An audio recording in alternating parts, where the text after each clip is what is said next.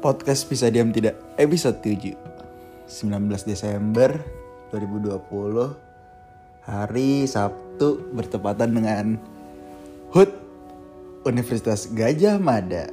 Sih Gila ya udah hampir satu semester menjadi bagian dari Universitas Gajah Mada ini.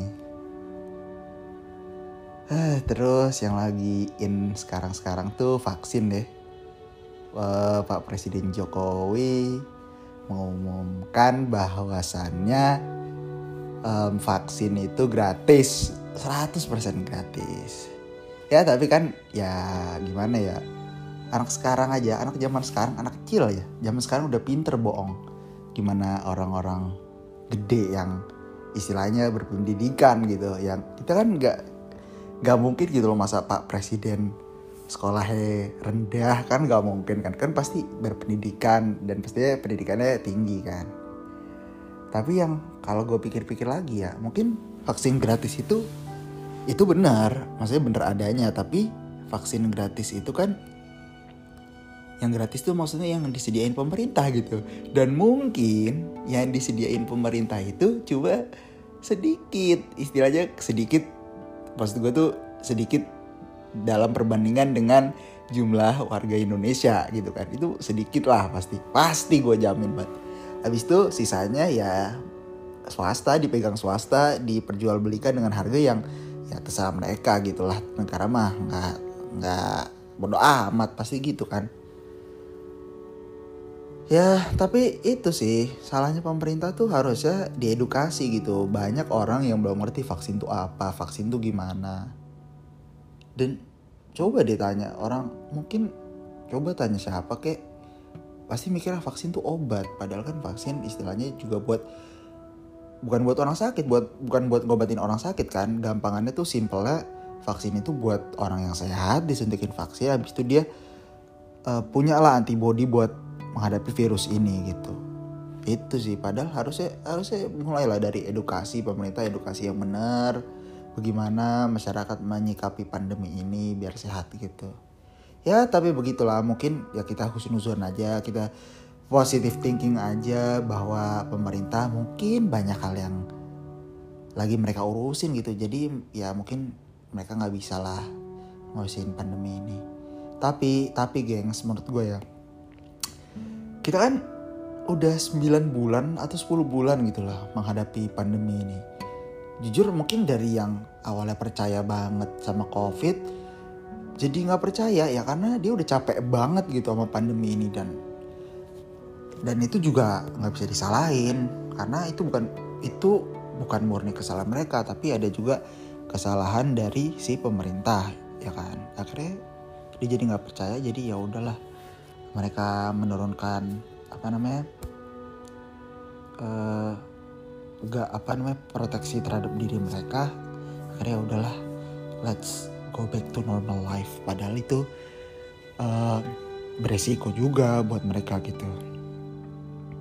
Terus kalau menurut gue sih kalau menurut gue ya pemerintah nih harusnya gak rata-rata masyarakat Indonesia dalam hatinya mungkin pengen udahlah pemerintah nih ma minta maaf aja gitu. Bisa gak sih?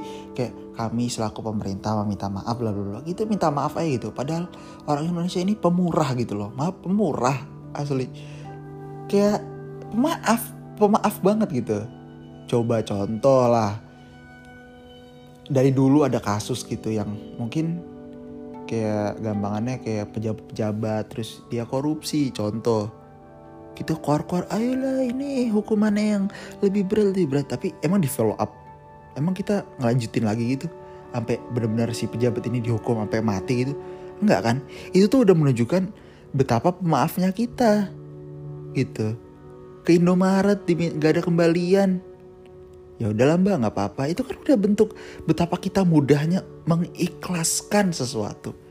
Udahlah pemerintah minta maaf aja lah susah banget sih uh, tapi ya gitu aja sih.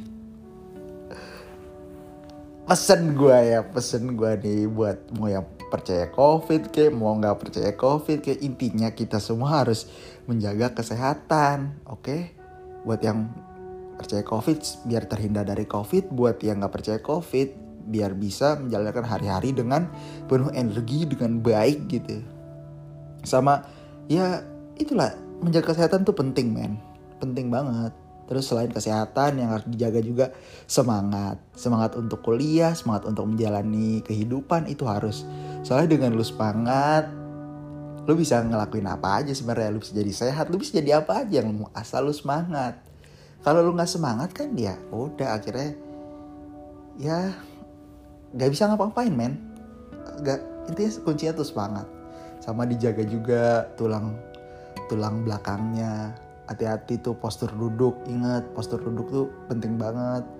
Jangan sampai di usia muda kesehatan tulang belakang lu buruk dan akhirnya di usia muda lu malah kejepit di saraf tulang belakang. Itu bahaya banget. Ada jadi bapak-bapak di musola al hidayah nih dia tuh asal sehat banget men. Dia ke mana-mana terus main badminton gitu kan.